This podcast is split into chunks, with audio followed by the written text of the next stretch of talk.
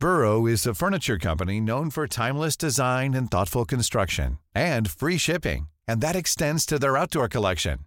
Their outdoor furniture is built to withstand the elements, featuring rust-proof stainless steel hardware, weather-ready teak, and quick-dry foam cushions. For Memorial Day, get 15% off your Burrow purchase at burrow.com slash ACAST and up to 25% off outdoor. That's up to 25% off outdoor furniture at burrow.com slash ACAST. Hiring for your small business? If you're not looking for professionals on LinkedIn, you're looking in the wrong place. That's like looking for your car keys in a fish tank. LinkedIn helps you hire professionals you can't find anywhere else, even those who aren't actively searching for a new job but might be open to the perfect role. In a given month, over 70% of LinkedIn users don't even visit other leading job sites. So start looking in the right place. With LinkedIn, you can hire professionals like a professional. Post your free job on linkedin.com slash people today. This Mother's Day, celebrate the extraordinary women in your life with a heartfelt gift from Blue Nile. Whether it's for your mom, a mother figure, or yourself as a mom, find that perfect piece to express your love and appreciation. Explore Blue Nile's exquisite pearls and mesmerizing gemstones that she's sure to love. Enjoy fast shipping options like guaranteed free shipping and returns. Make this Mother's Day unforgettable with a piece from Blue Nile. Right now, get up to 50% off at BlueNile.com. That's BlueNile.com. Helt siden de første menneskene slo seg ned i Trøndelag, har det blitt observert underlige lys over Hessdalen. Fenomenet har blitt forsøkt bortforklart som syner sett av bygdetullinger og deliriske hallusinasjoner forårsaket av den lokale drikkekulturen. Men det skulle vise seg at fenomenet stakk langt dypere, når Hessdalen-fenomenet fikk verdensomspennende oppmerksomhet i ufo-miljøet på 1980-tallet. Fenomenet er fremdeles der, og det er fremdeles like uforklarlig som den gang. I 2024 kommer en podkastserie i seks deler, produsert av Project Hessdalen, som kanskje en gang for alle skal finne svar på hva som rører seg på himmelen i denne bortgjemte dalen i Trøndelag. Serien har som seg hør og bør fått tittelen A Blaze in the Northern Sky, og den kommer til din favorittpodkastavspiller i 2024.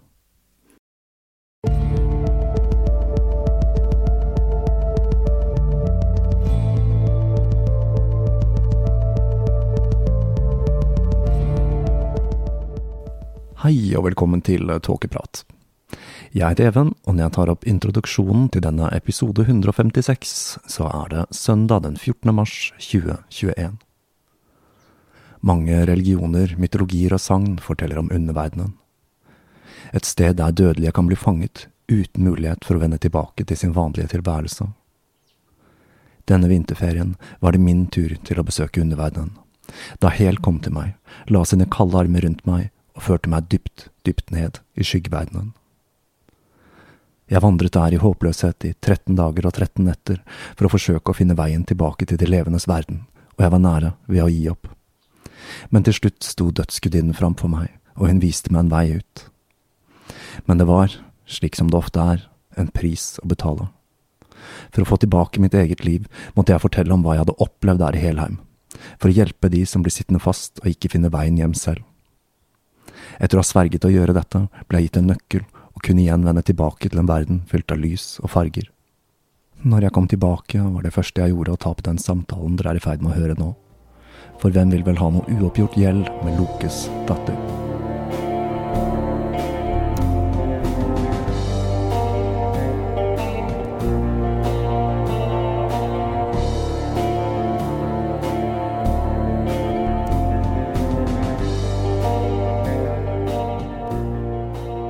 Ok, men da kan jeg starte med å ønske dere velkommen til da den femte episoden av Tåkeprat med gjester, tror jeg det er. Det er den andre episoden jeg har tatt opp via Skype. Og det er første gang jeg har hatt mer enn én gjest. Så det er tre ting på en gang. Og da har jeg med meg uh, Thomas Seltzer, som hallo. jo Hallo. Som jo er kjent fra Turbo Neger, og som med sine greier på NRK. Hvor det, det siste er vel UXA, er det ikke det? Jo. Ja, Som jeg har uh, snakket varmt om her i podkasten mange ganger. Og så har vi Lars Dæhlie, som er Eller er det Deli, er det kanskje? Eller Dæhlie? Det er uh, Dæhlie, for jeg er fra Hadeland. Ok. Der er og du, Der er det Dæhlie. Og du er klinisk psykolog? Jeg er klinisk psykolog. Jeg har en eh, privatpraksis i Oslo. Og så er jeg førstelektor på Høgskolen Kristiania i psykologi. Ja. Og tidligere vokalist i Good, Bad and The Zugly, blant annet. Og også, men jeg vil legge til, medlem av det jeg mener er norgeshistoriens beste bandnavn noensinne. Mercedes Mens. ja, nei, det var jo det viktigste. da. Hvorfor har du ikke det på CV-en? ja, det ville jeg kanskje satt det først. vi fikk, det var kåring av Norges dårligste bandnavn noensinne på P3 eh, da vi vant. Ja. Eller tapte. Tapt, ja. Ja. Vant eller tapte. Ja. ja. det var fantastisk. Ja, til slutt så har vi Mari Stensrud, som uh, da har en mastergrad i religionshistorie uh, innenfor uh, åsatru, eller neopaganisme. Og som også er min tidligere samboer. Så hei, Mari. Hallo, hallo. Hallo, hallo. Så, grunnen til at uh, jeg håper si, har samlet dere her i dag, det er for å snakke litt rundt uh, korona og litt, uh, litt ymse temaer her. da. Men dette har startet med en veldig konkret opplevelse for min del.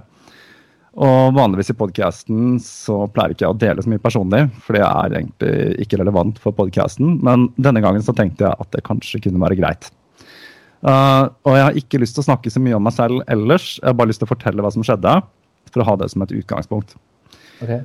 Og i vinterferien, det er nå tre uker siden um, Jeg jobber da på skole, så jeg har vinterferie. Det er første gang i mitt liv jeg opplevde det, siden jeg gikk på skolen selv. Så hadde jeg satt meg ned for å jobbe. Jeg hadde den podkasten jeg holdt på med nå, en serie om Walter Freeman som, som um, oppfant, eller han populariserte lobotomien. Og jeg har en annen serie som jeg har begynt på, som blir en lang lang serie, som jeg jobber med. Og jeg skulle sitte da i vinterferien og jobbe med dette. Og det som skjer da, er at jeg blir bare truffet av et godstog. Alt blir bare svart. Um, jeg skjønner at jeg falt ned i en dyp, dyp depresjon. Og her må jeg si, Lars, dette kan du komme med innspill til etterpå. Altså, jeg har hatt okay. problemer med depresjon før. Ja. Så jeg gjenkjente hva dette var for noe. Uh, men det traff meg så uventa og kjapt at jeg ble redd, så jeg ringer legen. Um, jeg får da en legetime og en resept på noe beroligende, så jeg flyr på apoteket og får med dette her. og bare hva skjer? Hva skjedde nå? Uh, jeg ble sittende og tenke, og mm, jeg klarer egentlig ikke å gjøre noen ting. Jeg må bare prøve. Jeg går turer. Det vet jeg hjelper. Jeg begynner å vaske klær. det er altså sånn, Bare enkle ja. greier. Mens jeg prøver å tenke gjennom hva, hva er det, hvorfor havna jeg her. Og Etter hvert så begynner jeg å skjønne at det har vært utbrent. Um, på grunn av, altså Jeg jobber veldig mye, men det har jeg gjort hele tiden. Det er ikke noe nytt. Uh, det som er nytt, er da selvfølgelig pandemien som legger et litt sånn ekstra lokk oppå dette her. Det har nærmest vært i en slags trykkoker her i flere uker. og jeg sier at det kom som lyn fra klar himmel, men det gjorde jo ikke det. For når jeg tenker tilbake, så har jeg hatt masse symptomer. altså Jeg har merket at immunforsvaret har blitt dårligere, jeg har fått litt sånn tette bihuler, litt sånn. Uh, og jeg har hatt et par uker med søvnløshet. altså Masse sånne ting som jeg egentlig burde skjønt at var der. Men så var det en lang prosess uh, som det gikk litt opp og ned. Det er liksom to skritt fram, ett tilbake. Jeg har vært gjennom dette før, som sagt, så jeg vet åssen jeg skal takle det. Selv om jeg aldri har fått det har kommet så akutt da, som det gjorde nå.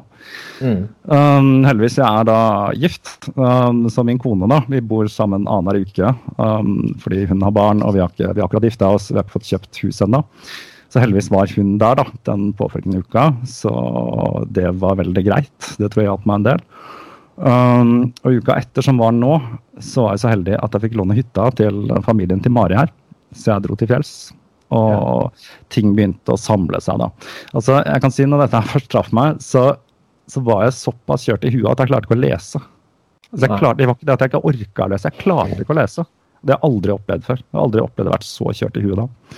Og eh, når jeg kom opp på fjellet, så fikk jeg liksom til slutt senket skuldrene. Og jeg begynte å komme i gang og jobbe da. Og i går så tok det jo helt av. Jeg skrev 6000 ord uh, mens jeg satt der oppe i snøstormen. Og ting begynte liksom å falle på plass igjen, og nå virker hele litt sånn fjernt og rart. Det virker som en sånn, nærmest som en drøm som var det. Men mm. det jeg tenkte oppi dette her, da, er at OK, jeg er forholdsvis ressurssterk. Jeg har altså venner jeg kan prate med. Eh, jeg har en jobb, jeg har ikke blitt arbeidsledig. Jeg har podkasten min jeg elsker å drive med. men det er veldig mange som ikke har de tingene der, og som mm. uh, har det veldig veldig vanskelig nå. Og jeg har snakket med mange mennesker som sagt når dette skjedde, og jeg opplever at folk som ikke har noe kjennskap til depresjon, forteller om mange av de samme tingene. Ikke så ekstrem grad da, som jeg forteller det om nå, men uh, som har denne følelsen av håpløshet, og ting blir vanskeligere og vanskeligere. Så dette her tenkt litt sånn for å hjelpe folk som kanskje ikke helt vet hva de skal gjøre. Uh, også litt for å snakke om hvordan de tingene som ikke har med pandemi, altså konsekvensen av pandemien, hva de gjør med oss som samfunn og mennesker, da, og filosofere litt over det. Og så har jeg litt andre sånn snacks til slutt her, hvis vi rekker det. ja. Det var det. Jeg vet ikke hvor mye du har lyst til å gå inn i som person i det som skjedde der, men jeg kan jo si på generelt plan så er det du beskriver vel ganske typisk. At særlig at folk ser signalene i ettertid. Jeg, jeg var jo mer irritabel jeg spiste dårligere, jeg sov mindre. Man ser det i ettertid, men man ser det ikke på vei inn. Så det er en del av problemet da. i depresjon. At folk ofte bare bang, blir truffet av en slegge eller ja. Og det må jeg også si. Um, selve begrepet depresjon er, kan være litt sånn misvisende kanskje for noen. For i dagligtalen så har vi dette med å være deppa og deprimert og sånn, men det er ikke mm. det det dreier seg om. Altså, Det er en slags, for meg, da, en veldig masse masse negative tanker som bare spinner. Masse mm. forskjellige mm. følelser. Altså Det første jeg kjente på, var frykt. Og så er det skam over at jeg er deprimert. Og så er det liksom alt som er negativt. Jeg fikk til og med en periode der som var altså, det var som en slags tripp. Jeg begynte å huske ting fra barndommen. Jeg regrederte. Jeg begynte å få opp minner. Jeg, Altså, jeg, jeg, aner ikke åssen jeg kom med ting fra jeg var fire-fem år. Plutselig husker jeg det. og Bare negative ting, da. Ikke noe positivt, selvfølgelig.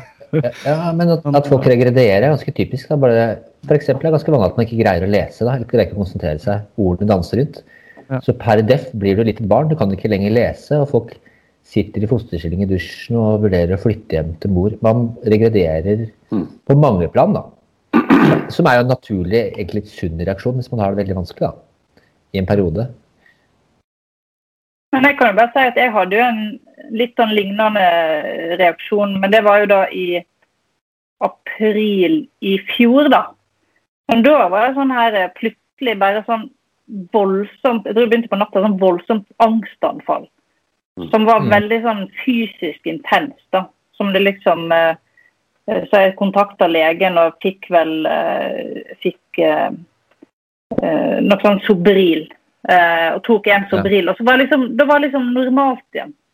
Så det, det, var liksom, men det var en sånn veldig fysisk greie. og det, Jeg var jo psykolog etterpå, og da sa han jo det at det der Han sa vel at det hadde mye med at vi lever i en litt sånn unntakstilstand. da, Så det virker jo som at altså som jeg, med Even òg beskriver, at det, blir, det oppleves veldig plutselig, men samtidig så Det er vel viktig at folk er bevisst på altså Det er litt snakk om egentlig at sånne ting kan komme. Da, for når du lever i en sånn uh, unntakstilstand der det er veldig mye usikkert, at det kanskje blir litt for mye. Da, at det på en måte hever uh, altså, sannsynligheten for at det her er ting som vil ramme flere enn det normalt ville gjort. Jeg vet ikke. Det høres kanskje mer ut som en sånn type panikkangstanfall, det du beskriver. Men det er vel de to tingene, hvis man går på bekostning med seg selv uh, av ulike grunner, da. det kan være mange ytre faktorer, sånn som pandemi og sånn. Over lang tid så er ikke det noe bærekraftig for mental helse. Men hvordan folk reagerer på det, kan det være litt forskjellig. da. Akkurat som når folk blir stressa, så får noen stive skuldre, noen får magesår. ikke sant? Det er uh, forskjellig hvordan man reagerer. Så noen kan jo falle ned i depresjon veldig plutselig. Mens andre, kan, mens andre kan gå nesten litt motsatt, at man får veldig mye angst og høyt turtall og panikkangst. Da. Men begge deler er egentlig symptomer ofte på det samme, da. Men det, det var bare noen ting jeg tenkte på um, altså, i forhold til pandemien. At det, det legges jo en litt sånn her eh, fryktagenda fra medias side òg, da. Sånn, bare sånn som i dag, da når liksom Å, rekordsmitte i Oslo. Men det var jo altså, Så ble det, meldt, det ble sagt i en bisetning ja, men det er fordi du har rekordtesting, f.eks. Mm. Test, altså sånn massetesting av uh, videregående. Vil, ja, Det er liksom en, ok, det er en naturlig konsekvens. Selvfølgelig vil smittetallene gå opp fordi det blir flere som er testa. Men liksom fokus i media er liksom smitterekord, liksom panikk, panikk. At litt den vridninga der fra medias side, at det ja, altså det setter folk Det liksom egger opp om en sånn veldig sånn sterk følelsesrespons på det som skjer. da, Istedenfor mm. å i større grad basere seg på fakta eh, og prøve å roe ting ned, så er det liksom at du jazzer ting veldig opp.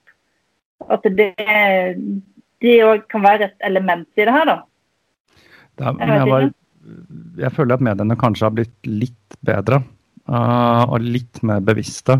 Nå har, jeg sittet, nå har jeg vært veldig fokusert på dette naturlig da, i de siste uh, to ukene. Men nå har det jo vært en del uh, ting om psykisk helse i, på NRK, da, som er den norske nyhetskanalen jeg ser på. Uh, annet med dette med vold mot barn, som er veldig bekymringsfullt. Og også dette her med selvmord. Så var det en rapport som viste at Røde Kors har hatt en 50% økning i leteaksjoner etter personer som man tror er i ferd med å begå selvmord. Nei, det sted? Så ja, så de har, de har vridd fokusen kanskje litt bort fra det, men jeg er veldig enig med deg, Mari. Det er, det er veldig til å fokusere på det. Det første du ser hvis du går inn på, på nrk.no, så er det jo liksom statistikken over døde. ikke sant? så ja. Jeg kan snakke om det kjempelenge, men eh, det er noe som heter representasjonsheuristikken. En nå sitert psykolog. Daniel Kahneman tenker fort og langsomt. Man, man, blir redd for det man vet om. F.eks. så var haifobien i USA var, lå på 0,1% fram til 1975. Eh, og så etter 1975 gikk den til, opp til 10% Det er ganske monumentalt. da. Og den har aldri gått ned igjen til normalen etter. Og hvilken film var det som kom da? Ja. Og det, fordi man, man, man, kan se det for seg, derfor blir man redd. Tidligere også, uavhengig av pandemien, også kunne jeg gå, på, gå forbi Narvesen og se på førstesiden av eh, VG. Ditt tastatur en smittekilde. Det er bilde av tastatur med noen sånne gerbs. Og da veit jeg Noen kommer til å ringe meg siden jeg driver med kognitiv terapi for OCD. da. Nå kommer folk til å ringe i dag fordi de har fått mm. sett det, og da ser man det for seg. Og så, så, så blir man kan man, man kan ikke bli redd for noe man ikke vet om, da. Nei. Derfor er det jo det med eh, smitterekord og selvmord i, i media veldig viktig avveining. Da. Man vet jo at det gir konsekvenser. Faktiske konsekvenser. At det blir smitta. Ja, altså at det er Mye omtale om selvmord. Eh, altså Før så omtalte man jo ikke eh, av presse, altså, men man har jo åpna litt for det. Men det er fordi man visste av forskning at det har smitteeffekt at det har en inspirerende effekt? Ja, du ser eh, ja, er, Jeg tror det kun er etter Ari Behn mitt inntrykk at man har gått bort fra det å ikke omtale, eller at man faktisk omtaler det som selvmord. For man ser jo smitteeffekt både mm. Antall selvmord går opp. Mm. Eh, særlig, den, særlig, den, demografiske gruppen til den som har begått selvmord, da, hvis det er en kjent person. Og metoden. Tenk på det. Mm. Men hvordan grunngir en det, da? For det, jo, det, virker veldig rart hvis du Altså, er det liksom antatt da at det ligger At det, det, det kan jo ikke være en utløsende faktor, skulle en tro, da? At flere tar selvmord, så derfor tar du selvmord. Altså, det virker jo som en litt sånn eh, Ja. Det burde gå dypere enn det da, hvis du først tar selvmord, selv om det på en måte Jeg vet ikke. Det er nok, Man ser det, både, man ser det deskriptivt, da, både i samfunnet generelt. At uh, etter Marilyn Monroe tar selvmord eller Larben, så er det en oppblomstring nasjonalt i selvmord. Men du ser også bygder oppe på ungdomsskole. Hvis en begår, tar selvmord på en ungdomsskole, så er det flere andre som gjør det i ettertid. da. Mm. Statistisk uh, veldig opp, uh, oppblomstring av det. Da. Ja, Det kan vel tenkes da at hvis man allerede fikler med den tanken, da, at man ser at andre gjør det, Mm. Ikke sant? Vi er jo ja, nei, du må jo Du står jo på en måte på kanten. altså Det er vel en dråpe i, Det er vel siste dråpen i begeret, på en måte. Siste after-eighten før du sprekker. Eh, som da eh, jeg må bare, Hvis jeg bare skal filosofere litt, det er jo dette med pandemi og Nå snakker vi jo opp noe selv, men altså pandemien det vi også det, det, kan vel du bekrefte, Lars. altså Man ser jo i krig altså det er jo det at Pandemien er en sånn mellomfase. Det er, ikke, det er på en måte ikke heavy nok. misforstå meg rett, som er et begrep som jeg ikke liker. misforstå meg rett. Men uh, under, det, forskning viser at under krig så går jo selvmord ned. Ja. Uh, og depresjoner, altså i den grad man kan rapportere om altså man er enten i Kampuchea eller i, eh, på flukt fra Røde Armé liksom i Prøysen. Men altså, depresjon også går hvis man mener vel at det går ned. Ja. Um, og en annen altså, ja, og det kan man jo uh, spekulere litt om. Det andre som jeg syns er interessant med selvmord, er jo uh, Red Sox, altså det baseballteamet um, i Boston, er jo liksom de evige underdogsene. Altså, de vinner aldri. Ikke sant? Og det har da blitt en innvevd del av identiteten til fansen. Uh, veldig mye Boston, sant? som er en litt sånn røff by i utgangspunktet. Så er det sånn Vålerenga, altså evige underdogs. Og det er en veldig sånn sjarmerende greie med det. Men det er folk så vant til at de, de få gangene hvor Red Sox vinner, så uh, visstnok så går da selvmordsprosenten opp i Boston. Uh, ikke sant? For det er et eller annet med at uh, altså, Kanskje bare dette er anekdotisk, jeg, jeg, har ikke, ikke googla det. Men uh, man kan tenke seg til, hvis man skal spinne på det, da, at det er noe med at når noe veldig kjent altså Erland Dyrkheim og sånn snakka mye om det der med å bli fremmedgjort og at, hvordan det kan føre til, til selvmord. Altså, men altså når, når liksom det kjente blir uh, virvla, mudra opp, og uh, nye, altså kaos, rett og slett, da, eller noe uventet skjer, stress, altså, så trigger det. Så jeg tenker at det er kanskje der pandemien er. Da, og Vi er ikke helt på krigsnivå ennå, for da hadde ting kanskje gått ned. da. Ja. Altså, tenk på det der med krig, det, Da vil du på en måte få snevra inn fokuset, fordi det er så veldig, det er en veldig konkret trussel. Så du mm. har liksom valgmulighetene dine om hva du kan gjøre, snevrer seg veldig inn. Sånn at du, har liksom ikke rom til å vurdere OK, noen skyter på deg, du må søke dekning. Men sånn som nå, så er det liksom Den faren er veldig abstrakt og ja. veldig sånn Og det er veldig mye usikkerhet og, og, og ulike uh, forståelser om hva du skal gjøre. da. Du, sant? Og Noen mener én ting, og noen andre mener noe helt annet. Og så får du liksom suppa inn politikk i det her, sånn som du ser ekstremversjonen i, i USA. ikke sant? Så mm. det, det, er liksom en sånn herlig sånn blanding av alt mulig der egentlig ingen vet noe som helst. Så det er jo et sånn skikkelig kaos av Og, og da tenker jeg, da er det rom for egentlig alt. Og det, det ser vi òg nå. Ja, Det kan man også si i krigshistorisk også. altså Fram til 11.9 så var det jo krig. Det var jo noe man vant og tapte, og så ble det avslutta. Altså, spesielt første og andre verdenskrig. da, ikke sant? Men så ble krig mer og mer sånn vagt. Eh, altså Post-Vietnam, kan du si. da. Eh, sånn at uh, krig Det heter jo ikke krig lenger, det heter jo krig mot terror. Ikke sant? Og det er jo veldig sånn rar, nesten sånn uh, ny dimensjon i forhold til virkelighet, i forhold til uh, forutsigbarhet. Hvor lenge skal denne krigen vare? Og det er noe Orwellsk og 1984 over det. At krig, krig mot terror, den kommer ha Den kommer til å pågå i mange hundre år, på en måte.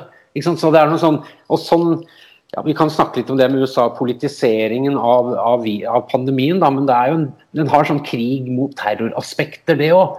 Sånn, men no, jeg har hørt ditt, noen har sagt at. Hvem er fienden? Altså paranoiaen, usikkerheten. Alt dette her. Eh, ja. Så det er jo en uh, hyperinteressant uh, tilstand, da. Det er det, og så er det Altså, dette viruset her er så Det hadde jeg egentlig lyst til å komme litt innpå etterpå igjen, da. Men det er på en måte det perfekte virus for å snike seg inn.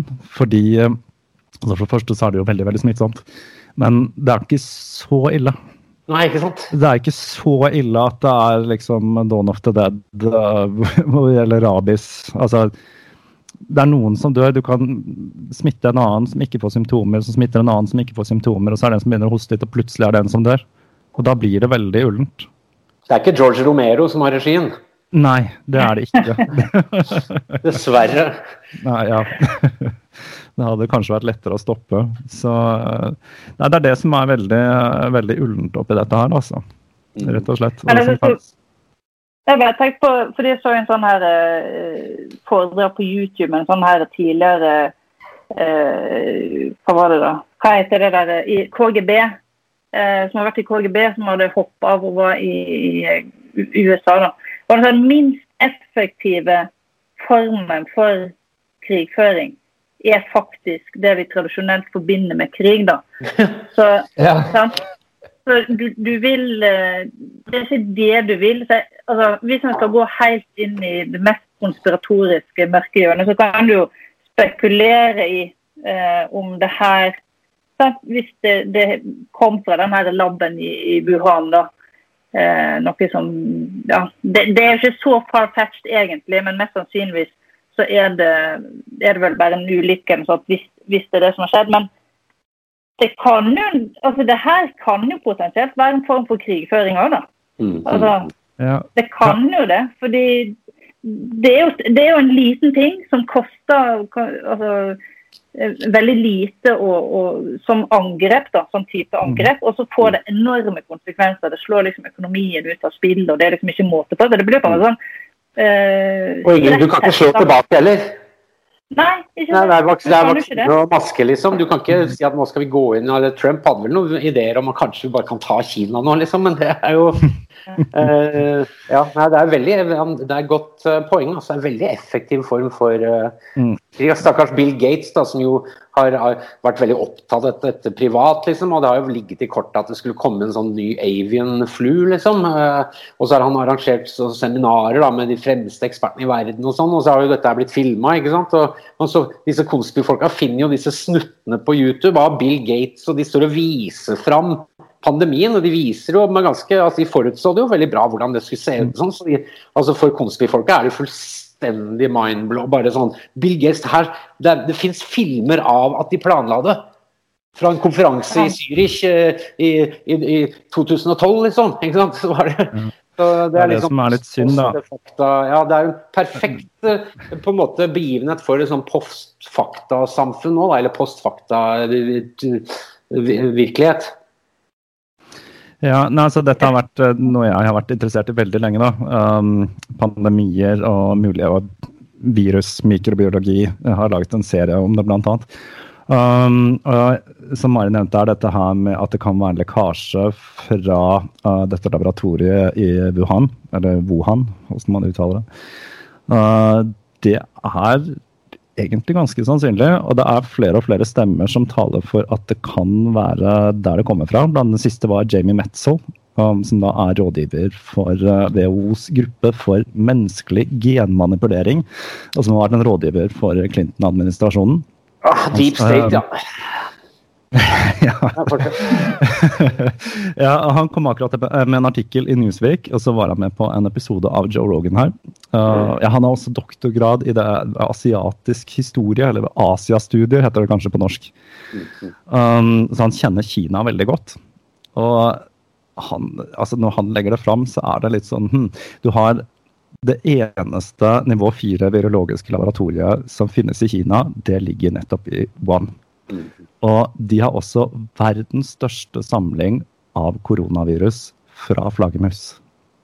Det de driver med ved det instituttet, det er å forske på hvordan man kan gjøre virus mer virulente da, for å utvikle vaksiner og sånn. Um, og på toppen av det hele så er den der hesteskoflaggermusen som dette viruset stammer fra, den fins ikke i Wuhan. Allikevel så er det først utbruddet der. Og så prøver Kina å dekke til dette for harde livet. Um, sånn at det får kommet seg ordentlig ut. da. Taiwan forsøkte å si ifra først, men de er jo ikke anerkjent av Kina. Så, og Jeg tror ikke dette er en konspirasjon eller et biologisk angrep, eller noe sånt. Jeg tror dette er slurv. Hvis det er det som stemmer, da. Altså, jeg sier ikke at dette er bombesikkert, at det er det det kommer fra. Uh, men det er en mulighet, da. Om man hadde altså kan du ikke se på det pga. Kina. Man får ikke det samarbeidet til, så man får uh, gå i dybden der. Jeg tror ikke kineserne er så veldig interessert i å fortelle om at det var de som slapp det ut ved et uhell, hvis det er det som er tilfellet. da. Og på toppen av det hele, liksom, toppen på kransekaka, er at uh, det her laboratoriet fikk påpakk i 2018 av den amerikanske ambassaden for å ha dårlig sikkerhet. Så det er liksom, Hvorfor er det konspiratorisk å tenke at det er en mulighet? Pluss at det er mye genetikk her òg, da. Som, ja. Det blir jo laga mye fæle ting rundt omkring, og som du også sier, da, ikke nødvendigvis for å lage biologiske våpen, men for å lage vaksiner og så, ja, nei, det er jo, men, og Du så jo reaksjonen til Kina tidlig. De sveisa igjen dørene til folk. altså Ganske heftig. Du kan si hva du vil om totalitære regimer, men det er ja, sånn de, Det er sånn T-skjorte med bilde av pyramider på, hvor det sto 'Slavery, it gets shit done'. Mm. Jeg hadde en sjef som hadde det bildet på veggen på kontoret sitt. ja, det er, sjefen. ja, det er noe med at du, De tok det jo veldig alvorlig veldig tidlig, og det, ble vel, det var vel en, en suksess da, for, for, folkehelsa i Kina. Men skal vi um, uh, Som kunne vært litt interessant, det er det med klasseskille. Og ja. Da tenker jeg litt på deg, Thomas, fordi du holder på med denne boka om USA, ikke sant? Ja, så vidt. Jeg har lagd noen notater. ja. Nei, da, men vi har jo det, vi vet hva det skal handle om. Så, sånn, ja. Og du har ganske god kjennskap til, til, samfunnet der. Og jeg har også anbefalt denne serien din mange ganger til folk som ikke helt skjønner sånne ting som hvorfor Trump ble valgt, og hvorfor det er så innmari polarisert der. Uh, og der ser vi jo dette klasseskillet som er kommet av pandemien, veldig veldig tydelig. Og det er noe som skiller denne pandemien fra andre pandemier. Altså Da tenker jeg på svartedauden, faktisk, først og fremst. For det som skjedde da, det var det at det var masse, masse mennesker som døde. Men det var fra forskjellige klasser, og så ble egentlig alle eiendelene og alle uh, godene, hva er ordet jeg leter etter her? Um, ja, det ble i hvert fall refordelt, alle godene til folk. sånn at uh, det, er derfor folk heter er Ødegård uh, til etternavn i Norge. Yes. Riktig. Nei, så da, da, steg i hvert fall velstanden generelt, da. Det som vi ser nå, er egentlig det helt motsatte. Det er at det er en, omtrent på midten av middelklassen, har jeg tenkt, da, så går det et skille. Du har liksom de som kan ha hjemmekontor, og som har familier, og som egentlig har det ganske greit. Og så har du de som må ut og jobbe, uh, og ikke minst de som mister jobben. Altså jeg tenker på utelivsbransjen, jeg tenker på lyd, lys og scene og alt dette her. Og det blir bare verre og verre jo lenger det går. I USA så er det jo helt ekstremt. Altså, du har jo sånne teltbyer i California nå med folk som har mista hjemmene sine. Og da snakker vi om helt vanlig familie, liksom, det, som hadde jobb før pandemien. Mm. Så ja. Nei, altså bare for å ta det kort, Pandemien her var vel det siste USA trengte. altså Alle kjenner jo til helsevesenet i USA, som jo er verdens dyreste, men også veldig lite effektivt. Eh, sånn som det funker for folk flest. Det er jo styrt av forsikringsbransjer og medisinske bransjer. Det er jo ikke styrt av en folkehelsemessig grunntanke, eh, sånn som i andre siviliserte land. Uh, infrastrukturen er jo veldig nedslitt i USA. Det har jo ikke vært noe særlig fornyelse av uh, verken uh, Altså Fedex, disse spedisjonsfirmaene, må jo bytte bildekk eh, dobbelt så ofte på lastebilene nå som for 20 år siden. Eh, det har ikke vært noen store løft i USA siden eh, månelandinga, siden de avslutta freeway-nettet, som var det virkelig store på en måte pyramidebyggingsprosjektet i det amerikanske samfunnet. Altså, de siste 40 åra har har det vært en veldig skjev altså Reallønna har stått stille i USA. Folk har stort sett fått det verre og verre. og mens hvis du ser på, Mens børsen går som det suser, som de sier, altså med unntak av krakket i 1987 og finanskrisen, så eh, altså Børs Wall Street tjener penger som gress. Produktiviteten i USA har gått opp som bare det. Eh, men altså fordelingen, skjevfordelingen blir mer og mer grotesk. og det sier litt at selv liksom konservative historikeren Samuel Huntington han sa det, han døde vel på midten av 2000-tallet, han sa at USA nå ligner mer eller er i ferd med å bli mer likt Tudor-England, altså Tudorenes England, enn det liksom, enn noensinne før. Og, altså, det er blitt et uh, Charles Dickens-aktig samfunn. Uh, og, det, og, den ulikheten som er i USA nå, den har man ikke sett siden 1890-tallet. sånn at um, det, ikke, var ikke, det, var ikke, gunstig at en pandemi skulle komme. Uh, og da man lager politikk ut av det. Trump innførte jo dette på en måte bananrepublikk-konseptet. Jeg har jo vært mye i Costa Rica. det er sånn Hvis det har blitt bygd en ny bro der, så er det sånn Å ja, han presidenten som sitter nå, han stemte vi på i området her. Og da får man gave etterpå. Når, Når din mann vinner, så får du jo eh, fabrikker og infrastruktur og nye veier og sånn i gave som takk for hjelpa. Og dette prøvde jo Trump nå å innføre innføre ved å skille mellom uh, stater som stemte på han, og stater som ikke stemte på han. Og Det er jo helt sånn unikt for en amerikansk president. og Dermed ble det veldig politisert.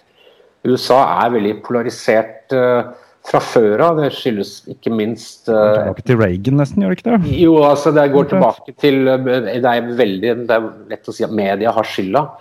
Men jeg vil gjerne anbefale en fyr som heter Matt Taibi, Rolling Stone-journalist, som er veldig opptatt av hvordan corporate interesser i form av media har faktisk skapt denne polariseringen. at Man må ha skandaler, man må ha dritt, man må ha konflikt døgnet rundt fordi at man skal selge selge reklame. Altså, og det kommer fram at Jeff Zucker, altså sjefen i CEO, sa på et Teams- eller Zoom-møte uh, før valget at folkens, vi vet jo veldig godt at vi vil jo aller helst at Trump skal sitte i fire år til. For det er bra for oss. Og så har folk i, uh, i kretsen rundt Rupert Murdoch, som jo eier Fox, også sagt at Rupert han ser helst at Biden vinner. For da kan Fox gå tilbake til å være i skyttergrav og være opposisjon. Det er mye lettere enn å være i posisjon. Fox ble jo nærmest mainstream-kanal nå på slutten pga. crazy-nivået innenfor trumperne. Men dette er altså det er en forretningsmodell. Polarisering er en forretningsmodell, eh, og i det så ligger det jo også og det er synd, for altså, eh, folk flest i USA, inkludert republikanske velgere, vil ha et uh, godt, uh, billig, om ikke, altså, om ikke gratis, i hvert fall billig helsetilbud for alle. De vil ha gode skoler for alle. Det stikker veldig dypt i dette landets uh, hjerte. Altså at barn skal ha gode muligheter uavhengig av foreldrenes inntekt. ikke sant? For det skal ikke være noe aristokrati. Altså alle, alle, i USA er jo på en måte etterkommere av eventyrlystne husmenn, ikke aristokrater. ikke sant? Um, men ja, så, så, det blir politisert, og så har man da dette med den eh, anti-elitismen Jeg liker ikke å bruke ordet populisme, for populisme er faktisk en gammel hedersbetegnelse som beskrev en, en sosialdemokratisk bevegelse i USA på 1890-tallet. Eh, men altså, du har denne anti-elitismen, og i det så inngår det jo veldig mye sånn Um, stoler ikke på vitenskap. Ikke sant? Stoler ikke på legene, vi stoler ikke på ekspertene. Hvorfor skal folk sitte på østkysten i elfenbenstårnene sine og og, og, fortelle oss hva vi skal gjøre. Og det har også en naturlig årsak i USA. Det er at folk er veldig redd for eh, eliten. Folk er veldig redd for systemet, og det, det har de all god grunn til å være. Noe bl.a. Irak-krigen og finanskrisen viste. Altså, systemet i USA har gått fra å være at eh, den gode gamle ja, vi, vi, må jobbe mer og mer, men de rike blir rikere og rikere. ikke sant? Som man jo har hatt eh, på en måte vært en sannhet for veldig mange i, i deler av verden eh, de siste 50 åra. Men det har gått fra det til å bli eh, ja, At systemet er rigga, liksom. Det visste man fra før av, men nå har det blitt at systemet er ikke bare rigga, det er ute etter å ødelegge oss. ikke sant? 10,3 millioner hjem ble tatt under finanskrisen av banker og finansinstitusjoner som fikk tidenes største stimuluspakke, krisepakke, etterpå. Vi snakker mange trillioner dollar. Eh, sånn at Folka som mista husene sine, måtte også betale skattepenger som plaster på såret til de som tok husene. skjønner du? Irak-krigen ble jo startet på basis av bullshit, konspirasjonsteori eh, om masseødeleggelsesvåpen i, i, i, i, Bagdad, eller hos Saddam Hussein. Media var med å selge inn dette her, så media skal jo passe på at sånt ikke skjer. Ja, nå prater jeg veldig mye her, men altså Eh, man har gått fra et eh, land hvor eh, man tenkte at det var ganske rigga, det er ok, men til, til, et, til en krigs, nærmest en mental krigstilstand hvor systemet er ute etter å ta oss. Og, det, og I USA så har det jo også altså konspirasjonsteoriene blomstrer opp, men i USA så har det også vært konspirasjoner. altså Tuskagee-eksperimentet, hvor da medisinske myndigheter sammen med Forsvaret vel eh, injiserte helt uvitende svarte mennesker, eh, svarte amerikanere med syfilis bl.a. Kjørte dette her i mange år. Det er utrolig hjerteskjærende å se bilder av folk som står line up for å få syfilissprøyte. Altså Den forestillingen der stikker veldig dypt eller altså Den erfaringen stikker veldig dypt i den afroamerikanske befolkningen, blant annet. Altså rett og slett vaksine Hold kjeft, er du, er du dust, liksom? Det skal vi ikke ha. Det, men Tuskagee ble jo anerkjent. Bill Clinton måtte jo, ba jo disse folka om unnskyldning på vegne av, av den amerikanske føderalstaten etterpå. Sånn at uh, altså, ja, så det er en USA var rett og slett lån Det er liksom en perfekt storm for at dette skal, skal gå galt. da. Uh, og det er synd, for det er jo landet med, med høyest andel nobelprisvinnere innenfor vitenskap. eller alle, ikke sant? Eh, der, eh, du kan si hva du vil om Big Pharma, men de kan faktisk de kan lage ting. De, de, kan ikke bare skru penger ut av gruvearbeidere som har blitt hekta på opioider. De kan faktisk utvikle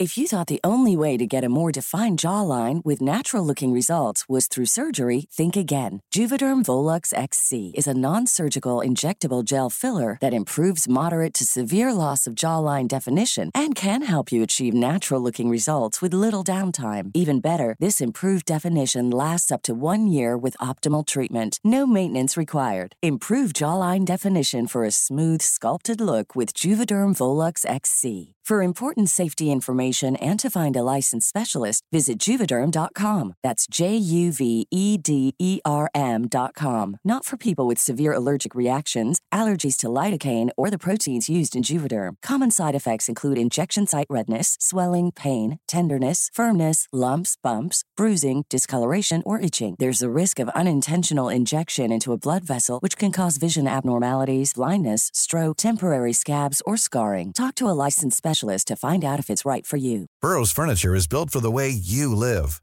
From ensuring easy assembly and disassembly to honoring highly requested new colors for their award-winning seating, they always have their customers in mind. Their modular seating is made out of durable materials to last and grow with you. And with Burrow, you always get fast, free shipping. Get up to 60% off during Burrow's Memorial Day sale at burrow.com slash ACAST. That's burrow.com slash ACAST. burrow.com slash ACAST. det de vil. Eh, og det ser vi vel nå at eh, når de virkelig klinka til, så har de jo faktisk greid å lage i hvert fall noe som kan ligne på en vaksine. så ja, takk for meg. Da er jeg meg tilbake. Ja, nei, for Du nevner Tuskegee her. Du har jo også mm, vaksinen mot kopper, som jo var det første av to sykdommer vi faktisk har klart å utrydde. Mm. Og Kopper var en grusom sykdom som uh, plagde menneskeheten i mange mange år. Men der var det også i USA hvor man da tvangsvaksinerte svarte. Mm. Man trodde jo det at det var de svarte som hadde lettest for å spre denne sykdommen, som man kalte det for uh, niggerpox. Oi. Det var det fine navnet de ga på kopper. Jøss. Uh, og det er litt derfra vaksineskepsisen kommer. Altså Man hadde en viss grunn til vaksineskepsis uh, til å begynne med. Men så har dette etter hvert spredd seg utover. da. Nå har jeg ikke hele denne historien i hodet, men Behind the Bastards har en serie i tre deler. Veldig god podcast-serie for øvrig. Ja, den er Robert Evans, veldig god journalist, kjent fra Bellingcat. Altså de som måte overvåker høyreekstreme Eh, han har en podkastserie om borgerkrig, om den kommende borgerkrigen i USA. Anbefales på det varmeste. Fortsett, Even. Beklager. Ja, nå glapp jeg litt. uh. Jo, kom, Nei, jo, den her, jo, i hvert fall de Behind the Bastards har en veldig spennende serie om dette her, og hvor eh, liksom ideen om vaksineskepsis kommer fra. da. Og Jeg husker ikke navnet på denne personen, men det er en som oppfinner en egen vaksine som skal erstatte denne her um, meslingvaksinen. Og som da lager en sånn bitte liten tullestudie som uh, viser da at barn blir autister av å ta vaksine.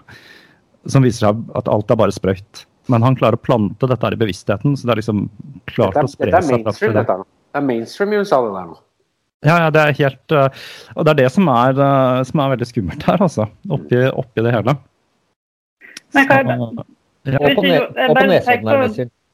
Og på Nesodden, mitt, hjem, min gamle hjemkommune. Jeg har tenkt på det der med rollen til media. da. For Det er jo det også som er en sånn faktor oppi det her. For i media skal jo være, det skal jo være en femte statsmakt. Det skal på en måte være en korrekt til eh, styresmaktene, ikke sant? Mm. Men sånn som det har vært nå, så har det jo veldig stor grad vært at eh, media, i hvert fall i USA, da, har tatt side enten for det ene eller for det andre.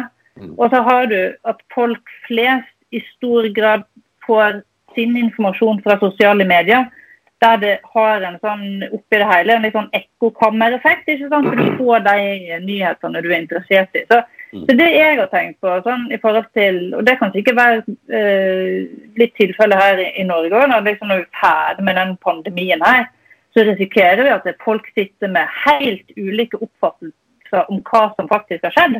Mm. Fordi du har forholdt deg til helt forskjellig informasjon. Alt dette hva for, altså, Der vil jo det med klasse komme inn. ikke sant? Fordi eh, har du en god utdannelse og, og kan liksom forholde deg kritisk til den informasjonen du får, så har du en helt annen oppfattelse av virkeligheten enn om du bare liksom sitter på YouTube og bare 'Å, herregud, er det sånn?' Hva?» At du bare liksom får Du tar bare ting rett inn helt ukritisk. Så det her er jo snakk om eh, Ja, det er jo et gigantisk sosialt eksperiment som blir veldig spennende å se hvor i all verden kommer det her til å ende opp. Eller ender det opp med en eller annen borgerkrig i USA, eller? Ja. Ja, ja, men, men, ikke for å pisse på paraden din, som man sier på engelsk. Men jeg, jeg blir øh, pessimist når det gjelder dette med for altså, Man forbinder jo med dette med ekkokammer og tro på alt mulig tull og sånn. øh, Man har jo tradisjonelt, i den grad man kan si men altså, man tenker at at lav øh, det, Altså troen på tullball øh, korrelerer med lav utdanningsnivå. Men også når du ser på bakgrunnen til disse her, nå er det vel snart 200 folk som er arrestert etter stormingen av Kongressen i USA. altså Det er middel, solid middelklasse. Det er leger. altså Det er, altså det er folk som virkelig eh, altså Det er ikke folk med to tenner og strå som spiller banjo med tettsittende øyne, sånn som man gjerne liker å fremstille spesielt eh, Konsby-Høyre i USA på. men altså det er, det er middelklassens Eh, det var ikke Le Miserable som storma liksom Bastillen eller Vinterpalasset. Det, altså, det var middelklassen som gikk inn i Kongressen den dagen. Og det var QAnon-folk, mye av det. Og det er, det er, folk som tror på veldig mye rart og har ganske høy utdanning. Sånn i snitt, da. Men det er jo ikke altså, om du har Det er jo det som er litt sånn òg en sånn uh, uh, Altså, har du høyere utdannelse, så betyr ikke det at du har kritisk sans. Ikke sant? Så det, det er òg en, en, en, måte å legitimere en eller annen skrudd uh, idé òg. Ja, men jeg har jo høy utdannelse, så liksom så. så det, det, det, trenger jo ikke være Jeg mener ikke nødvendigvis, men det, det, kan jo være det kan jo være noe som kan forsterke ting. da. Men jeg tror åpenbart uh, det kan være folk som absolutt ikke har noe særlig utdannelse å skilte med, men som, som er veldig fornuftige med en sterk kritisk sans. Så en kan ikke sette en likhetstegn mellom det. Men jeg tenker det, det er aldri usunt Eller i utgangspunktet så er det ikke usunt å ha en god utdannelse. da. Mm. Så, men selvfølgelig, det er hvordan du bruker den. Det, det skaper ikke. Du får, mer, du får, mer, raffinerte konspirasjonsteorier, kanskje, med jo høyere utdannelse? Ja, ja. Altså, jeg er jo selv eh, innehaver av den veldig myteomspunne etter hvert universitetsgraden CanMag. Og jeg, jeg, pleier å si at CanMag er jo et livsfarlig våpen i feil hender. Eh, hvis, som all annen uh, hyperintens kunnskap. Nei, men uh, ja. Så, men altså, bare, bare, for å komme kort inn på det, hva, hva, hvilken virkelighets- eller hvilken tolkninger vi kommer til å sitte igjen med av, uh, som du sier, når dette har lagt seg. da, ikke sant? Og det er, altså litt pessimist. altså Jeg ser på den der, hvordan alternativbølgen som spesielt har gått gjennom altså, over norske kvinnelige befolkningen de siste sånn 15 åra, som jeg tenker har vært egentlig Vi ler ofte. Det er lett å le av den å være, ha kanmag, liksom. Det er lett å ha kanmag og le av den. Men eh, jeg tenker f.eks. at skepsisen mot leger, som man finner hos veldig mange folk rundt omkring, også, det er, er veldig berettiget. Altså, legestanden i Norge var jo tradisjonelt arrogante menn og, sant, som skulle bestemme over deg. og og så kommer det da internett inn, at folk uh, går ut til doktor Google for å finne ting. så men bare det spranget det har gått fra alternativkultur eh, altså bare damer jeg kjenner sånn, liksom, via Facebook, på en måte, så ser jeg nå i feeden deres så har det gått fra liksom, alternativkultur, healing, og så bang, så er det rett over i helt, helt klokkeren antisemittisme, bl.a. Mm. Altså det, det skjedde over natta. Mm, det kommer litt fra samme sted. vet du. Ja. Mye av disse alternative greiene startet jo langt langt ute på høyrefløyen. Da, og så har det på en eller annen måte gått til venstresiden. Um, F.eks. Altså, dyrevern, miljøvern og sånn var egentlig en, noe for de radikale ytterste høyre. Da. Mm. Uh, vi har jo en av mine favoritter, da, Savitre Devi, uh, som da mente at Hitler var en reinkarnert avatar av Vishnu. Og som var kjempedyreverner. Ja. Det, så det startet egentlig der. Jeg vet ikke helt hvor det skiftet kom. Jo, altså, det, si, det, er noen som har sagt at antisemittisme er modernitetskritikk for idioter. Eller kapitalismekritikk for idioter. Altså for, for mange så er det da denne, denne metro-kosmopolitiske, eh, på en måte jødiske intellektuelle tradisjonen er jo på mange måter sivilisasjonsbærende. altså Selv Nietzsche, som jo var en slags antisemitt, sa at det hadde ikke vært for liksom jødisk kultur, så hadde vi ikke hatt noe tysk kultur i dag. altså det er noe med at eh, altså Hvordan det å skulle kritisere alt som er liksom nytt, avansert ikke sant? Det, Nei, det er jødene. Eller det er, det er eh, globalisme, Men- som man nå kaller det. jeg, setter ned foten og sier at jødene har fått skylda for mye mer enn det. Nei, men det er, nei, men det, er det som ligger i bånn. Altså, Ja. Det ligger en sånn i, i bånn? Du har det rurale, stedsbundne kulturen, som var, var tradisjonell, altså fra føydalsamfunnet. Og så har du da det, utviklingen i samfunnet seinere, som da er en globalisering, teknologisering. ikke sant? Og da er det liksom lett å skylde på Da kan vi finne en gruppe som liksom kjennetegner en del, altså som har høyere utdanningsnivå og som reiser mer, sant? har slekt i andre land. Det var jo hele Rothschild-greiene i, i, i Nazi-Tyskland. At eh, internasjonale banker, for at de har familie i andre land. Og for vanlige tyskere så var det helt sånn utenkelig. Så, nei, men, um, nei, men det er bare skummelt å se hvordan um, altså den der vanlige alternativkulturen, liksom, at det bare vipper over i helt sånn u, veldig, veldig mørke ting eh, sånn over natta, på en måte. Selv om, men det er som du sier, at det ligger i bånn der. da, men ja. Nei, jeg skal ikke snakke nok. Men hvis vi kommer litt tilbake igjen til Norge, da. Det har vært så mye i USA her. For det, Jeg har også tenkt mye på altså Det er klart USA de er, de er fucked på en måte nå. Jeg vet ikke hvordan de skal klare å reise seg igjen. Uh, vi stiller på en helt annen måte med velferdsstaten, og vi har en velfungerende helsevesen og det hele tatt. Men fremdeles så har vi jo altså, vi har snakket om dette her klasseskillet. Vi har de som er ute og jobber, uh, vi har de som har mista jobben, og så har vi de som egentlig har det helt fett, og som jeg leser om til stadighet i avisen, som da har mer penger og bruker både på bolig og alt mulig annet. Um, jeg, jeg lurer på hvordan det kommer til å utligne seg, uh, både si, økonomisk og mentalt, når dette er over. da. Jeg tror, jeg tror aldri dette kommer til å gå helt over, men når ting blir normalisert kanskje noe. Jeg tror, eh, jeg tror eh, Hvis man ser på klasseskiller og psykisk helse i møte med kriser, så kan det slå ganske forskjellig ut. da. F.eks. finanskrisen 2008, så var det jo noen bydeler i Oslo der eh, selvmords... Det blir mye selvmordsprat, men selvmord, det var noen bydeler i Oslo der selvmordsraten gikk opp. Eh, og det var jo på Oslo vest. Da hadde jo folk porteføljer der man kunne tape og sånn. Mens på, på Oslo øst så man ikke noe utslag på psykisk helse på den måten. I- På samme måte ser man eh, de stedene i Norge man har mest tiltak, der får folk eh, sterkest redusert eh, psykisk helse nå, da. Bergen og Oslo f.eks. Der er det flere som rapporterer depresjon, ensomhet osv. Ja, Hvordan er det altså, For Vi ser jo dette er et skille i Oslo. Oslo er jo spesielt på at det er veldig kutta mellom øst og vest. Ja. Og så er det hele tiden snakk om disse bydelene hvor det er så mye smitte. Men jeg tenker at grunnen til at det er mye smitte der, det er jo en ting er at folk bor tettere sammen, men en annen ting er at de folka har ikke hjemmekontor.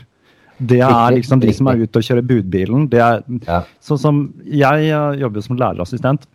Jeg har en hverdag som er det er som Twilight Zone. Jeg kommer på jobben, og det er, smittevern finnes ikke. Altså Jeg har barn som putter hånda i munnen og så klasj i ansiktet. ikke sant? Men det, det tok litt tid å venne seg til det, men nå er det liksom ja, ja, sånn er det bare. Um, men så, så kommer jeg ut, da, og så er det liksom alle med munnbind og holde avstand og sånn. Det blir sånn veldig skille der for meg. Um, ja, nei, jeg vet ikke. Det er bare Ja, du, men du ser også at uh, klasseskillene innad i Norge, særlig sånn sosiodemografisk, da, de som, som du beskriver nå, din hverdag, og at mange har fått det mye mer slitsomt, er, redde, er ensomme, er isolerte. Så ser du også noen grupper som har det faktisk bedre enn før. Det viser seg kanskje særlig øvre middelklasse, kvinner rundt 60, gode jobber offentlig eller i en avis eller sånt. Får mer fritid, mer, kan være hjemme, gå turer. Faktisk har høyere livskvalitet. Så det slår jo ganske ut klassemessig. Jeg er litt spent på hvordan det vil, hvor lange ringvirkninger det her vil kaste av de som liksom fikk ja, f.eks. Eh, har hatt god inntekt, kanskje til og med bygd seg opp eh, som aksjepenger sant, under pandemien, versus de som har vært helt, mm. helt sånn- Ja, da er vi tilbake igjen på Det var litt derfor jeg ble utbrent og uten å skjønne det sjøl. Det var eh, Det er mye høyere press når man er ute nå. Da tenker jeg på folk som jobber med renhold og i butikker og liksom må stå oppi dette her. Og så har du da mediene som Mari nevner her, som peprer oss med negativ informasjon hele tiden. Masse tiltak som er kjempeuklare. Altså det har eh, jeg har laget en sang for barna på SFO ja, som heter 'Rødt nivå på SFO', som jeg har lært alle sammen. Vi pleier å synge. Ja, ja. Det er fantastisk. Jeg prøver å få det til å spille med noen barn. Uh, veldig gøy. Men det er uh, For det er du som ja, lager tåkeprat-jinglen også, ikke sant? Ja, jeg lager all musikken til Tåkeprat. Jeg skal lage en jingle til den her òg. Ja, Men til, jeg kan jo si, det ble kjempeslitsomt av uh, særlig to grunner. En, innen stressforskning så skiller man mellom to mekanismer som skaper stress. Det er uforutsigbarhet. Det skaper veldig stress. Hvis folk er vet at de skal få et elektrisk Eller som Magne Raundalen, kjent norsk barnepsykolog, sier, du skal slå barna dine, så slå de klokka sju på tirsdag. Høres jo forferdelig ut, men det gir mening. For det som er ille med å bli slått uh, for barn, er jo egentlig ikke den fysiske smerten, men at det hele tiden går rundt og er i beredskap og er redde. Mm. Så uforutsigbarhet er veldig sterkt til stede i, den pandemien. Særlig sånne yrker som du beskriver. blir kjempeslitsomt. Og så er det den største, den andre store faktoren på, på stress er kontroll. Mangel på kontroll. Hvis folk har kontroll, så kan de jobbe tolv timer om dagen og jobbe, gjøre kjempestore prosjekter. og sånne ting. Når du ikke har kontrollen selv, så kan ganske til og med mindre ting bli veldig stressende. Mm. Og i den pandemien her, sånn som du beskriver din hverdag og mange uh, som er i en situasjon, har jo veldig mangel på både forutsigbarhet og kontroll. altså Det er en slags oppskrift til, til, til stress og etter hvert å bli, når det pågår lenge nok, uh, utbrenthet, depresjon, Mm. Jeg kan jo si at det er spesifisering, Lars. fordi det er, man, ja, nettopp det at stress ikke er det samme som arbeidsmengde. Altså, Har du kontroll på og veit hva du skal gjøre, så som du sier, så kan man jobbe tolv timer. Og er det noe du liker å drive med? Altså, det er ikke det. Altså, til og med det vi ser en stress eh, nå, er, nesten, er vel nesten motsatt av arbeidsmengde, på en måte. Eller altså fravær av uh, av ting å gjøre. og når skal, det, når skal, jeg få noe å gjøre igjen? Og, når, liksom, og så blir det da altså økonomiske med hånd til munn. og altså, ja, Det er jo sånn perfekt cocktail av uforutsigbarhet og mangel på kontroll. Veldig godt poeng. Det... Så Et tema til som jeg tenkte vi kunne rekke innom, det er jo dette her med det jeg kaller for uh, generasjon korona. Altså de som vokser opp nå. Barna. Uh, som jo er det jeg jobber med. Uh, der er jeg litt bekymra. Um, jeg vet ikke om dere har gjort noen tanker om det. Altså, jeg, jeg, har ikke noen egne barn selv. Jeg har en stesønn. Jeg vet at det er, det er litt komplisert. Altså, det er han får for lite kontakt med andre barn. Uh, og det opplever jeg at uh, barnet her har på skolen og sånn nå, når de under lockdownen og de kom tilbake igjen, så åh, det er dritt å være tilbake på skolen. Men de merket at det trengte de, altså. Nå mm. jobber jeg med de yngste barna. Jeg tenker på ungdomsskole og videregående skole, og kanskje til og med unge studenter som, som nå opplever dette her. Mm. Hvordan vil det ramme dem på sikt, tenker jeg. Hvor, uh, hva tror du, Lars? som kan dette?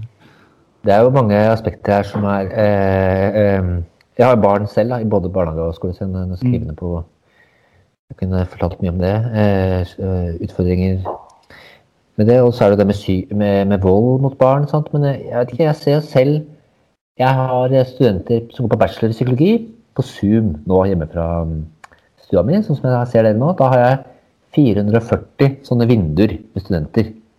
De har hatt det ett år nå.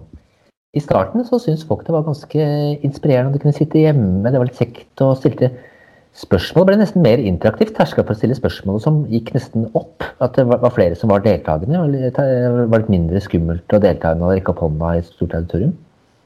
Men folk satt sånn som jeg, vi sitter nå. Jeg hadde tatt på seg klær og satt på kjøkkenet og sånne ting.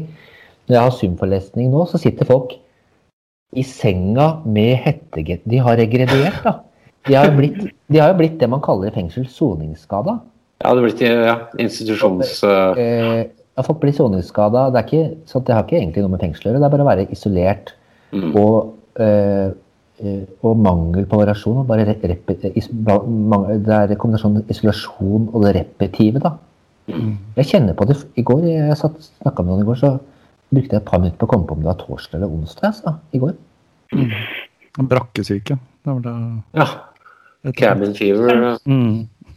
Ja. Men det er, altså, jeg, jo, jeg, er jo student nå, så jeg tar en sånn eh, nordisk eh, årsenhet på Blindern. Bare sånn i forbindelse med, med, å bli lektor. Men jeg har jo vært lenge på Blindern, så jeg har jo på en måte begge deler. For, for, min del, om det blir litt Zoom nå, det er ikke så veldig nøye. Det, det går fint. Men jeg tenker jo altså noe sånn nitrist, da. Som de studentene som har begynt eh, på Blindern, spesielt nå i høst, da, eller i fjor høst. Og så kom du inn rett i en sånn digitalt eh, digitale omgivelser der du liksom ikke har noe sånn kontakt med, med folk. Eh, I hvert fall hvis du har flytta til Oslo, da. Og så skal du liksom bli kjent med folk. Altså det, det blir litt sånn klønete, da. Men jeg vet ikke, det må jo bli et veldig rart bilde av hva en akademisk utdannelse er for noe i det hele tatt. Det, altså, ja, det, det, blir jo på en måte en hei, et helt annet utgangspunkt enn at du altså Bare det der med altså, Det kan være noe så banalt som at du, okay, du var på en forelesning som var dritkjedelig, og så kan du snakke med en annen student bare 'Herregud, hva var det der for noe?' Det var jo bare tull. Eller, eller at du liksom bare 'Ja, det der var veldig bra'. Ja, mm. det var spennende. det altså bare sånn du, du må liksom Hvordan skal de anvende den kunnskapen de får? For én ting er jo liksom bare få kunnskap inn men du må jo på en måte kunne anvende det på en litt sånn hverdagslig måte. da. For det er jo en sånn mm, mm. uting med akademikere som bare liksom tar ting inn sånn, og så går det bare rett ut igjen. Det, det er det ingen som Altså, det er en kunst det der med å kunne formidle kunnskap på en måte folk forstår, da. Mm. I et folkelig språk. Så jeg vet ikke Det er noe sporer jeg kanskje litt bort fra det du Even ville, ville snakke om. Men det, det er jo en ting jeg har tenkt på, da, sånn som i den situasjonen jeg er i. at det, Jeg vet ikke hva det her vil si for den akademiske utdanninga hvis det varer for lenge. Så er det jo Det må jo være en del viktige sånne mellommenneskelige ting som, som går tapt her. Mm. Eh, ja, ja. Og det samme i ja, andre skoletrinn som foregår digitalt. da. Det må bli, det må bli litt, det sånn, litt sånn sosialt handikappa, da, hele greia. Jeg kan jo si til den, Det er mange mørke nok eh, potensielle dårlige sider ved det, som, ja, som man vet etter soningsskader fra institusjon og fengsel, at man ser eh, at det kan ha senvirkninger. Eh, men som det også finnes behandling for, da. sant? Komme seg ut i relasjon med mennesker og arbeidslivet igjen og sånn. Men at det krever en prosess. Det er ikke noe som går av seg selv for mange. Mm. Samtidig ser vi også at eh, på den positive siden at ser det som kalles som er stadig eh, mer populært eh, felt innen psykologi, posttraumatisk vekst.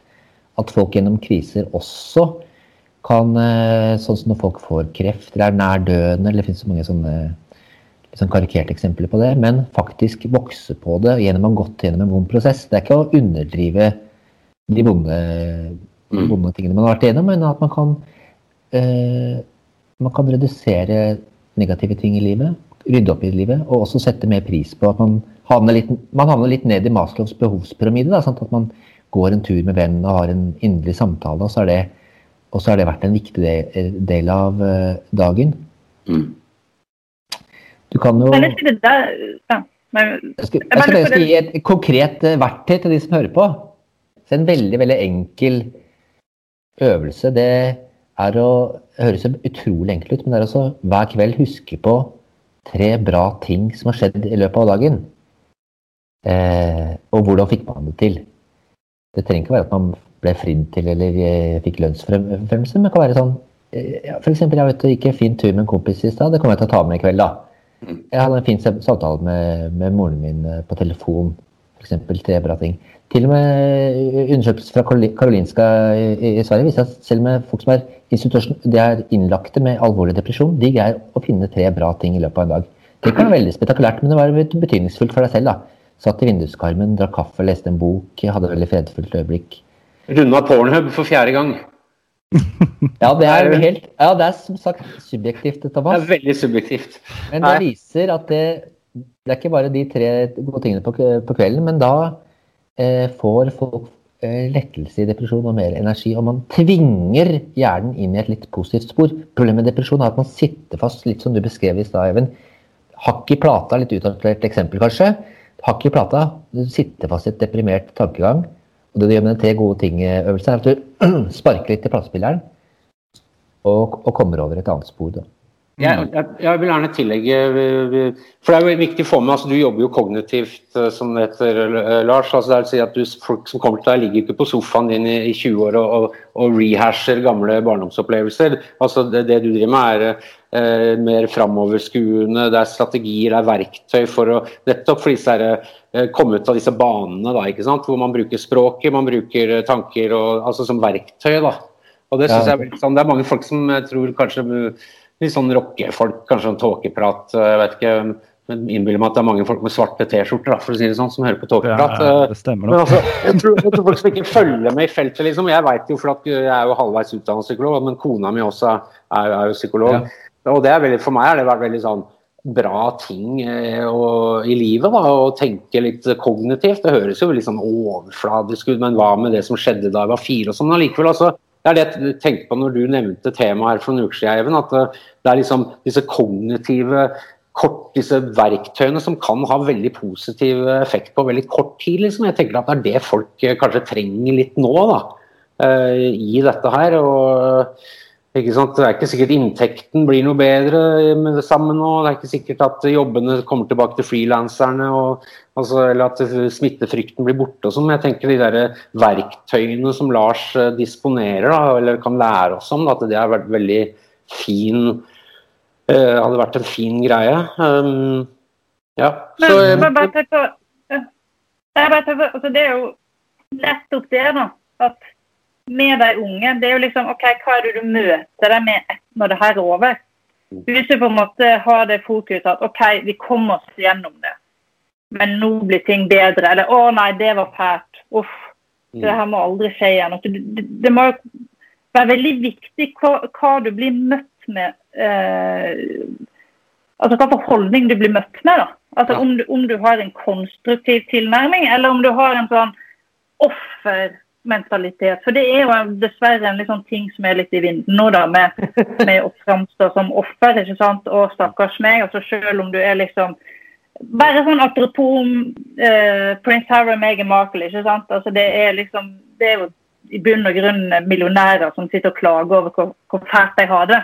Er ikke så veldig altså, sant? Men det er jo en måte det er jo en sånn veldig karikert måte på hvordan du kan møte en situasjon. altså hallo, hvis ikke de vil ha noe med, med Medøya, så flytt ut på et småbruk i Canada og kos deg der. Ingen vil ikke komme noe med det der. Men liksom, eh, det er litt det der med hvordan du tilnærmer deg ting. da. At du, som du sier, sant, tenk på tre bra ting. Da har du et positivt fokus.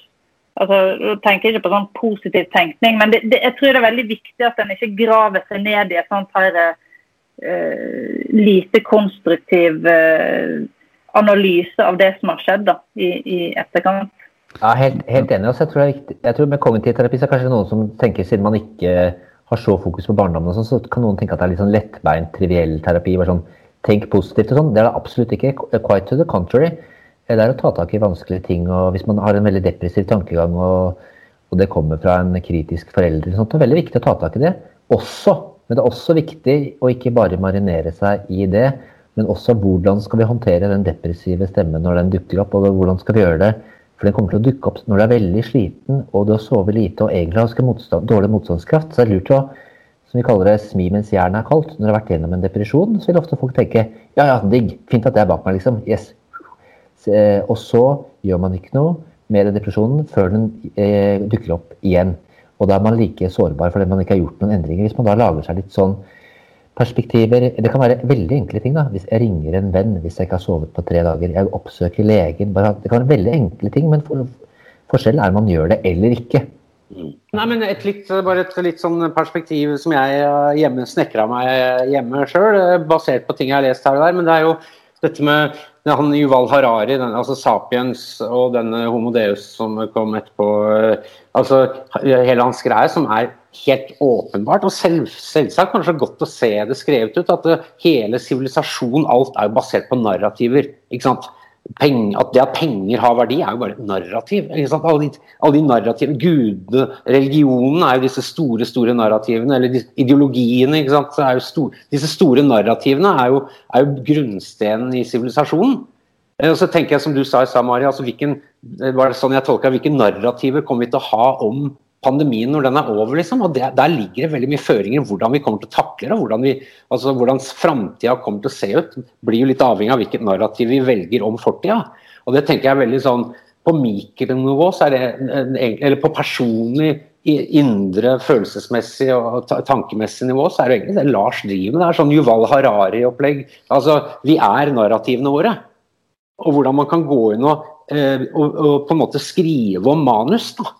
Eh, altså, jeg bare tenker det er veldig sånn fin og konstruktiv approach til det å være menneskelig, eller til, til det menneskelige og det eksistensielle. Da, at vi, man kan velge litt narrativer. altså Man, kan ikke, man skal ikke fantasere seg bort, liksom. Eh, men altså det at man hvordan man, hvordan man ser på et problem. Det er som Lars sa, Hvordan kommer man seg videre? Hvordan man tolker det. Alt det er Eh, ikke sant? Og Dette høres kanskje nesten ut som sånn New Age-greier, men jeg tror jeg tror i veldig høy grad at eh, samfunnet er narrativene det er basert på, og vi er narrativene som vi forteller oss selv om, om oss selv. Leary, sier jeg fra siden da. Det var hele ja, Leary sin ja, greie med reality tunnels, hvor han rett og slett reprogrammerte seg med LSD for å få en ny virkelighetsoppfatning. da. Det blir en litt mer ekstrem utgave, men det er basically det han sier. Men kan jeg bare si én siste ting til også? Mm. Du snakka om klasseskille, Even. Jeg vet ikke om du har tenkt det, Men jeg tenker også, jeg er veldig opptatt av dette med menn og mental helse. Uh, og jeg tenker litt sånn kjønns... Dette med at eh, norske menn er litt tausere, litt mindre flinke til å snakke om følelser, at det er litt tabu dette at det er litt sånn kjerringaktig å gå i terapi. altså uh, Veldig mye av det som jeg tenker er uh, kulturelle rett og slett drapsmetoder. Uh, altså Det er jo veldig selvmord vi har Nok en gang, vi har selvmord. Vi har høye selvmordstall i Norge, høyere enn trafikkdøden. og En del av dem er jo menn. og det tenker jeg at hvis Det er bare et sånt prosjekt jeg har, da, at prøve å få litt sånn Eh, at menn kan eh, snakke litt mer om ting, eh, tenker jeg det ene er. Og det andre er når du, du, nevnte det med vonde tanker i stad, Even, det kjenner jeg igjen fra meg selv også. Jeg har jo gått i terapi og sånn. Jeg tenker det, hvordan man ser på Lars nevnte OCD i stad, altså Obsessive Compulsive Disorder. Jeg tror at veldig mye av det du, folk som du og jeg Even, ser på som depresjon, altså mye av det vi opplever, er også har en touch av OCD. Altså vonde tanker som, går i, som spinner, som du ikke kommer vekk fra. Som gjør at du i siste instans kanskje vil gjøre kål på deg selv. Altså de tinga der, og, og, så se på det som en, uh, som en uh, obsessive compulsive greie. Det er også en veldig viktig måte, eller en veldig interessant måte å se på hvordan man kan komme seg ut av det. Og det tror jeg ikke blir kommunisert nok. Jeg tror veldig mange av de mennene på vår alder liksom, som bare går ut uh, i låven og, og, gjør slutt på seg selv, altså at bak der så tror jeg faktisk ganske mye OCD. Jeg tror, de, jeg tror ikke de, vet uh, helt Nei. at det finnes god hjelp for det heller. Så det er jo trist, da. Bare to ting. Det, det, var veldig interessant akkurat det der med OCD. fordi jeg har, altså det, det jeg tenkte mest på, da, når jeg var i depresjonen, var alle tingene jeg skulle ha gjort. Og da tenker jeg på, på dette skulle jeg gjort, dette skulle jeg gjort, dette skulle jeg gjort. ikke sant? Jeg må gjøre ja, jeg må gjøre ferdig podkast. Jeg må gjøre ferdig det. Altså, men det, det gjør, gjør, ingen nytte. Og jeg tror også du har helt rett i dette her med menn som ikke kan snakke om det. Også depresjon generelt som tabu, da. Som også var litt av grunnen til at jeg hadde lyst til å ta opp dette her. Bare for å åpne opp uh, litt for en diskusjon rundt det rett og slett. Så, men nå er denne berømte timen gått, og vel så det. Uh, jeg kan jo da tipse om Nå skal jeg begynne å jobbe med den siste delen av serien uh, om Walter Freeman. Og dette har jo litt med det vi har snakket om nå å gjøre, men han holdt på da under den forrige depresjonen. og hans løsning den var jo uh, litt enklere. Det var transorbital robotomi. Altså, det var en berømt eh, den norske filosofen Herman Tønnesen. Han vel, ble vel filosofiprofessor ved UCLA. Det er en litt sånn eksentrisk type. så jeg Han gikk alltid i kakeklær og sånn. Jeg vet ikke om eh, noen, kanskje noen filosofiutdanna folk som vet om det, men han sa visstnok Visstnok, og det syns jeg er veldig fint, apropos Walt Friedman og lobotomi eh, for Jeg snakket med Randi Rosenquist en gang, og hun sa at verst av alt, lobotomi var faktisk for, altså det funka faktisk litt også. Altså, det, var det, verktøy, det, var det verktøyet de hadde, ikke sant? Ja, det var derfor de brukte det òg. Det var liksom, det var ikke, ond, det var ikke ondskap og sånn, men det er klart, han, var, han var jo en omreisende kremmer i dette her, så blir det noe annet. Men, men eh, det, det Tønnesen sa han ble, Lykken Jeg innbiller meg at han var bergenser. Altså, lykken er å bli sparket i hodet av en hest før skolepliktig alder. Og det er uh, Du tar med videre inn i, i lobotomiserien din. ja. Nei, det er jo igjen Med Walter Freeman så er det jo pga. depresjonen ikke sant? så er det jo masse folk som mister jobben. og det er, det er det vi snakker om nå. Det er de som ble lobotomerte. Altså når de ble så deprimerte at de ikke kunne gå lenger. Så, og da hjalp det jo innimellom òg, da. Ikke at jeg anbefaler lobotomi. altså det jeg fikk en, jeg måtte koronateste meg to ganger, og da det, det altså, Det er ganske nære. Jeg Mm, har gjort det, ja. den, og jeg føler jeg har fått en annen ro etter at jeg har blitt koronatesta to ganger. Altså, det er en bitte liten eh, prefrontal eh, lobotomi. Ja, ja, ja prenasal lobotomi da, i så fall. Må det være. Jeg har et ordspill. Ja, kom med et ordspill, da. I'd rather, have a, I'd rather have a bottle in front of me than a frontal lobotomy. Tror du jeg har fått denne, denne et par ganger under ser Nei, er for den var jeg den nå. Altså.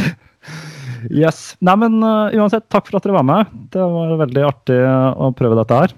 Men kanskje Lars, bare helt til slutt, har du noen tips eh, Lars, for jeg har sånn misjon om å, la, Lars få misjonere mest mulig i samfunnet. Ja. Hva sier du til, til, lytterne, tåkepratlytterne, eh, hva, hva, hva, som kanskje føler litt eh, på styggen på ryggen, som napper bak i nakken? Og, altså, hva, hva gjør man?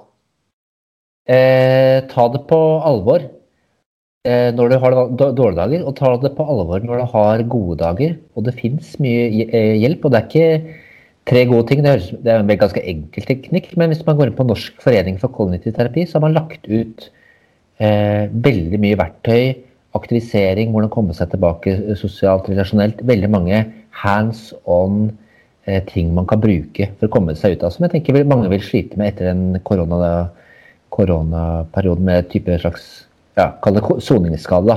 Det fins masse verktøy tilgjengelig. Er, hvis man, der ligger det verktøy man kan gå inn på, gjøre sammen med andre. Og det ligger også lister på terapeuter over hele Norge man kan, eh, man kan eh, få kontakt med der. Hva het siden, sa du, Lars? Den heter kognitiv.no. Det eh, Ja. Jeg kan legge ut link under denne episoden. Ja, flott. Mm. Kan jeg fortelle én siste, siden jeg bomma på det ordspillet mitt? Kan jeg komme med en vits som er ganske gøy, og som også er um, rase- og etnisk basert uh, i, i USA? Vet du hvordan Men jeg har hørt den fra en, en svart komiker, så, jeg, vet, så da er det lov. Vet du hvordan du vet at en eh, afroamerikansk kvinne skrev musikken til 'Haisommer'? Nei. Mhm, mhm, mhm, mhm, mhm. Ja, ja. Den, var, den har du ikke fått, uh, Even. Den var, Den har, jeg, den har jeg ikke hørt før, så den skal du ha for. det var bra link-up til det med representasjonsheuristikk og høysommere i Island. Det var veldig gøy. Sirkelen er sluttet. Ok, Neimen, uh, takk alle sammen. Hei. OK, god helg. Ha det. Ha det. Ha det bra.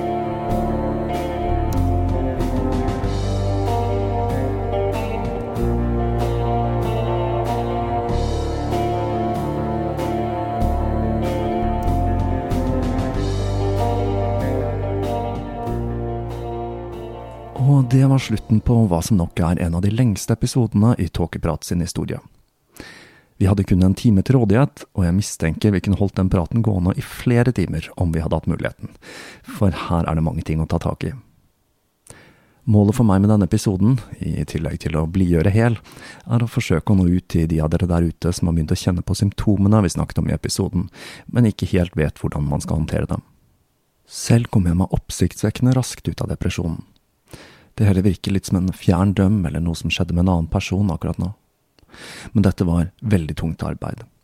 Og jeg er så privilegert at jeg har venner og kjente jeg kan snakke med, og ikke minst så forsto jeg hva som var i ferd med å skje når depresjonen traff, og jeg oppsøkte hjelp. Et veldig godt råd jeg fikk når det sto på som verst, var å ikke sette meg for høye mål for hva jeg skulle gjøre i løpet av dagen. For som jeg sier i podkasten, så kan jeg tidvis være ganske besatt av blant annet arbeidet med denne podkasten. Så det var det. Ta vare på dere selv der ute i pandemien.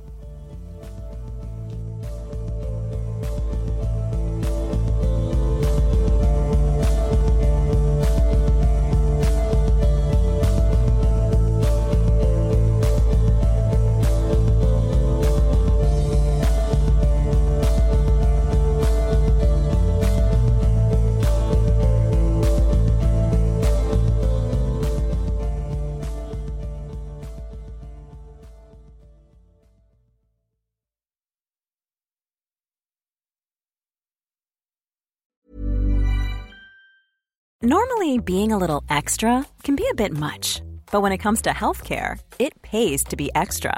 And United Healthcare makes it easy with Health Protector Guard fixed indemnity insurance plans. Underwritten by Golden Rule Insurance Company, they supplement your primary plan, helping you manage out of pocket costs without the usual requirements and restrictions like deductibles and enrollment periods. So when it comes to covering your medical bills, you can feel good about being a little extra. Visit uh1.com to find the Health Protector Guard plan for you.